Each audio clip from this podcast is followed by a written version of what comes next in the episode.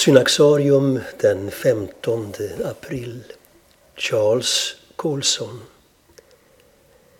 Före sin omvändelse till kristen tro beskrevs Charles Colson som en hänsynslös politiker med vidlyftiga alkoholvanor, kedjerökande och hånfull mot sina motståndare. Han hade dessutom ett raserat äktenskap bakom sig.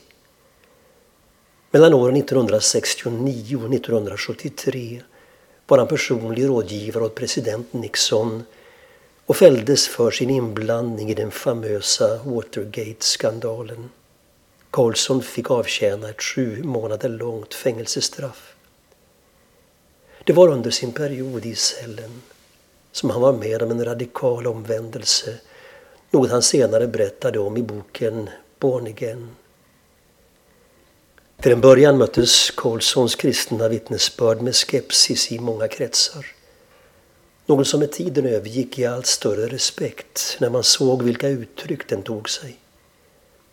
Charles Colson började engagera sig för andra som dömts för sina brott och byggde upp en fängelsemission, Prison Fellowship, som idag har verksamhet inom 1300 institutioner och samverkar med 7000 kyrkor över hela USA. Genom sitt arbete vill han både förbättra förhållandena på landets fängelser och ge stöd åt människor att kunna återvända till ett anständigt liv efter tiden i fängelse. För många blev Charles Colson ett ovanligt bevis på Guds förunderliga nåd. Ett tecken inför världen på evangeliets trovärdighet. Charles Colsons böcker sålde i stora upplagor. Han startade Wilberforce Forum, en plattform för kristna värderingar inom politik och kultur och belönades 1993 för sina insatser med Templetonpriset på en miljon kronor. Dessa pengar, liksom de intäkter han fick för sina böcker och föredrag, lät han gå direkt till Prison Fellowships arbete. Charles Colson var en brobyggare mellan människor. Själv var han evangelikal, tillhörde sydstatsbaptisterna och beundrade Calvin. Hans hustru sedan 1964, Patty, var katolik och de levde tillsammans fram till hans död.